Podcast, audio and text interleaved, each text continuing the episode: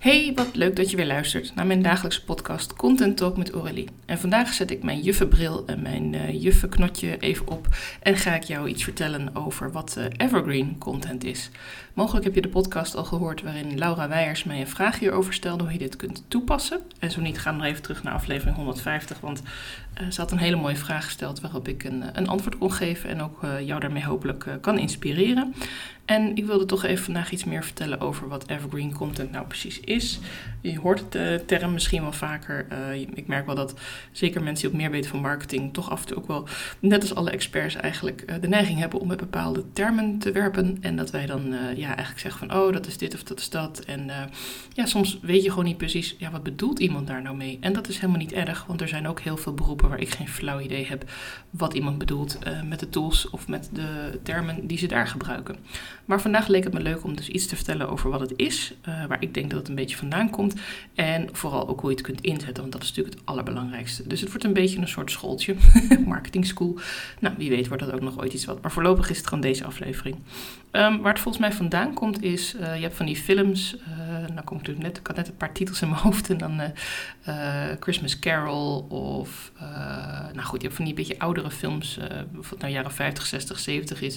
Ik denk dat Home Alone ook wel een beetje een evergreen is. Het zijn van die films die je altijd kunt blijven kijken. Ik noem nu toevallig kerstfilms, omdat dat voor mij heel erg uh, de lading dekt van evergreen. Uh, dat is toch een beetje de tijd dat je denkt van nou, ik wil iets leuks kijken, ik wil iets herkenbaars, ik wil niet te veel nadenken. Uh, het liefst ook wat ik eigenlijk al ken, wat ik al weet. ik wil er gewoon weer even lekker in terug en het gevoel weer even oproepen. Dat is voor mij wat evergreen betekent. Het kan altijd. Uh, het is altijd waardevol, het is altijd fijn. Ik denk bijvoorbeeld ook aan de films als uh, Love Actually. Dat is ook zo'n film die, ja, in principe is het een kerstfilm, maar je kan hem eigenlijk het hele jaar door wel kijken. Het is gewoon altijd fijn. Als je een beetje van het romcom genre bent, dan uh, zijn dat soort films gewoon hartstikke fijn om gewoon op te zetten en even lekker met je warme chocomel onder je dekentje te verdwijnen.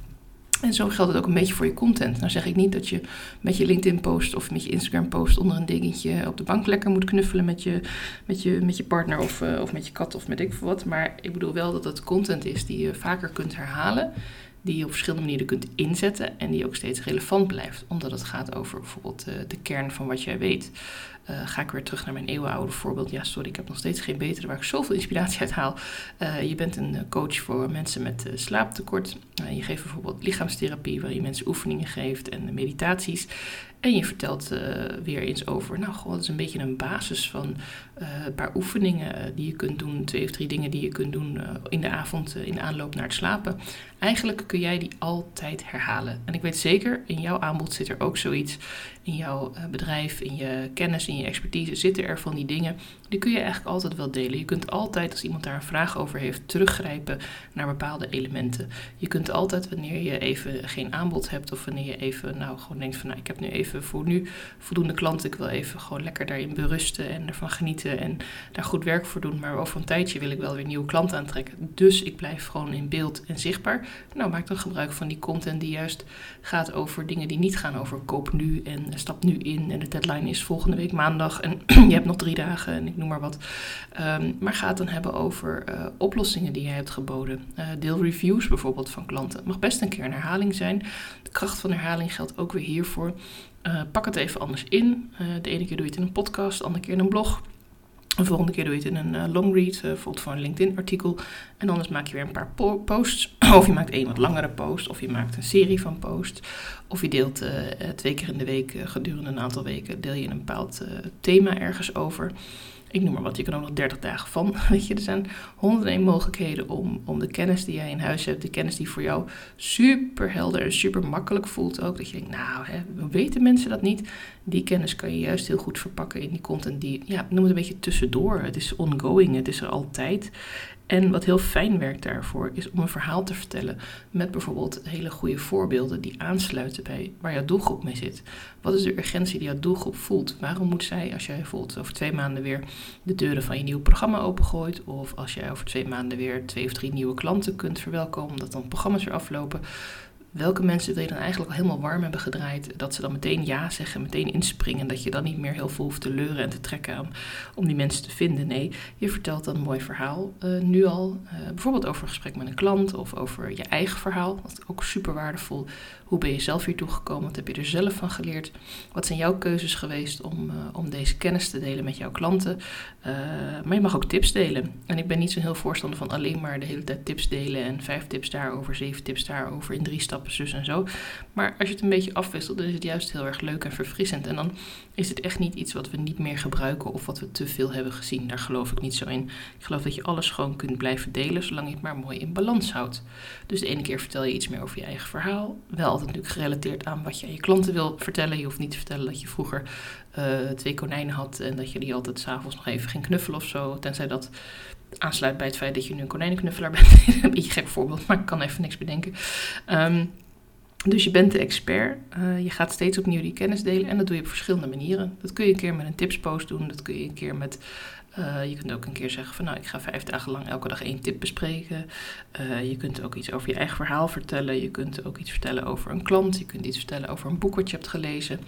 Uh, misschien heb je een bepaalde training gevolgd. Uh, misschien heb je zelf een review gegeven waarvan je denkt, nou, dat vind ik eigenlijk wel de moeite waard om dat te delen. Omdat het voor mij heel veel waarde had om die training te volgen, om dat boek te lezen. Um, er zijn ook hele leuke dingen te doen met reels. Uh, er zijn heel veel standaard geluidjes en dingetjes die je kunt plukken van Instagram bijvoorbeeld of TikTok. met van die stemmen die dan zeggen van I'm reading this. Of dit is mijn inspiratie. Of spreek er zelf eentje in. Ik bedoel, hè, wat er nog niet is kun je gewoon maken. En durf gewoon ook een beetje te spelen daarmee. Durf ook gewoon eens een keer wat anders te doen. Een klein beetje uit je comfortzone te springen. En te zeggen van nou, ik ga gewoon vandaag zo'n reel maken. En dan plaats ik een foto van uh, een boek of een training die ik heb gevolgd. Of uh, een Zoom-sessie waar ik bij was. Zorg wel even dat iedereen ofwel akkoord is. Of dat je het op zo'n manier doet dat er hoofdjes van andere deelnemers niet in beeld komen. Even een disclaimer. Uh, maar zoiets, weet je. En dat je dan bijvoorbeeld daaroverheen uitspreekt. Nou, dit was een toffe ochtend. Ik heb dit en dat geleerd. En mijn belangrijkste takeaway is... Nou, dan heb je ook alweer een mooie reel. Dan hoef je helemaal geen muziekjes erover te zetten. Je kan het ook met tekst doen.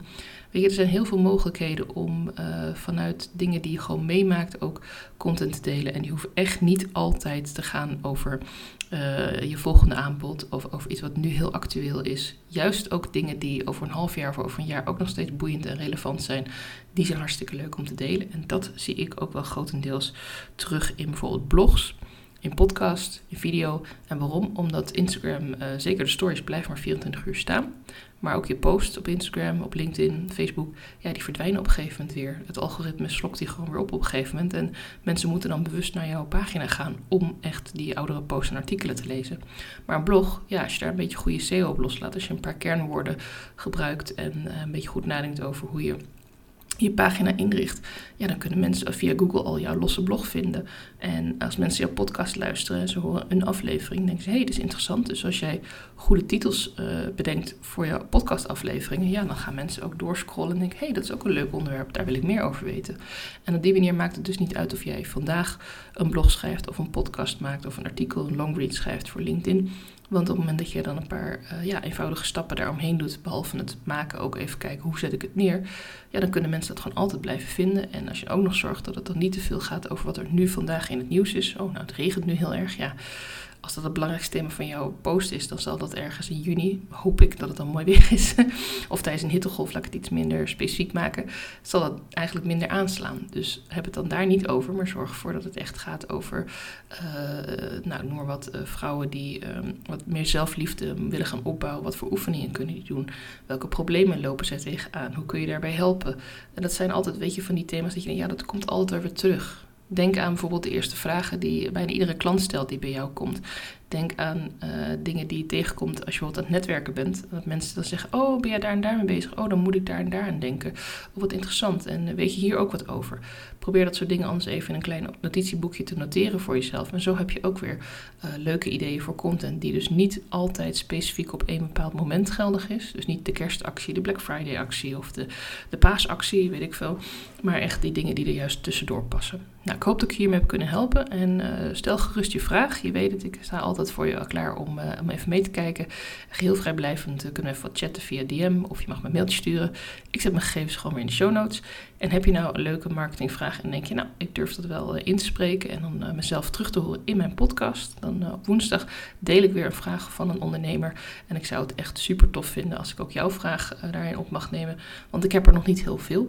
Ik geef het eerlijk toe, het begon heel goed. Ik heb nu voor de eerste drie weken heb ik vragen, dus dat gaat lekker. Maar ja, daarna wil ik ook wel graag doorgaan natuurlijk. Dus help me even om deze diesel een flinke slinger te geven. Spreek gewoon je vragen in. Ehm, ja, anoniem wordt een beetje lastig, want ik ga je natuurlijk wel een beetje in de spotlight zetten. En ik vind het ook leuk om iets te vertellen over wat jij doet en wie je bent. Dus zie het ook weer als een opportunity om, om lekker zichtbaar te worden. we delen onze doelgroepen daarin mensen die mijn podcast luisteren, mensen die op mijn Instagram volgen, die, uh, en op LinkedIn trouwens ook, daar deel ik het ook. Uh, dus je krijgt echt wel uh, een hele hoop voor terug. Plus natuurlijk het antwoord op een vraag waar jij mee zit of waar je over nadenkt. En het hoeft ook niet een probleem te zijn uit jouw eigen zaak. Het mag ook iets zijn van, nou, ik heb deze term gehoord of ik heb hier vragen over. Of hey, zou dit en dit werken voor mijn bedrijf? Weet je, het hoeft niet altijd vanuit een enorme noodzaak te zijn. Het mag ook een evergreen vraag zijn. Nou, mooi bruggetje. Ik spreek je weer bij mijn volgende podcast.